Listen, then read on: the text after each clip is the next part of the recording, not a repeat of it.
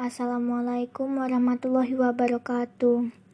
Pada saat ini, saya akan menceritakan bangsa Arab sebelum dilahirkannya Nabi Muhammad.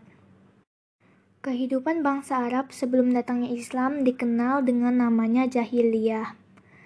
Mereka adalah orang-orang yang selalu melakukan hal-hal yang kurang baik, atau lebih tepatnya, tidak baik. Kondisi sosial masyarakat Arab jahiliyah benar-benar rapuh dan jauh dari akal sehat kebodohan mencapai puncaknya, dan orang-orang hidup layaknya binatang-binatang ternak. Wanita diperjualbelikan, bahkan terkadang diperlakukan seperti benda mati. Hubungan antar umat sangat lemah. Saling berperang menjadi tradisi mereka ketika ada yang mengancam kekuasaan dan melukai kehormatan.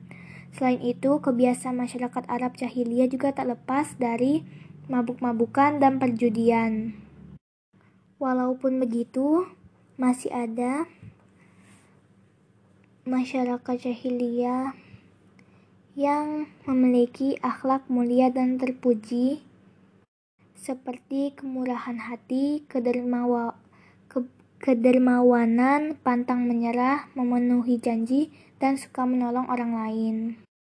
Semua keterpurukan moral dan kelamnya peradaban jahiliyah itu baru berubah setelah Nabi Muhammad Shallallahu Alaihi Wasallam diutus membawa risalah Islam.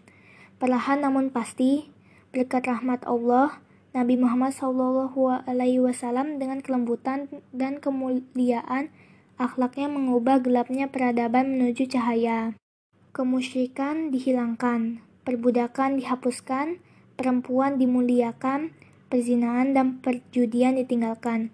Bangsa Arab mem memasuki fase peradaban baru yang lebih bermakna martabat dengan hadirnya Islam. Sampai situ saja dan terima kasih.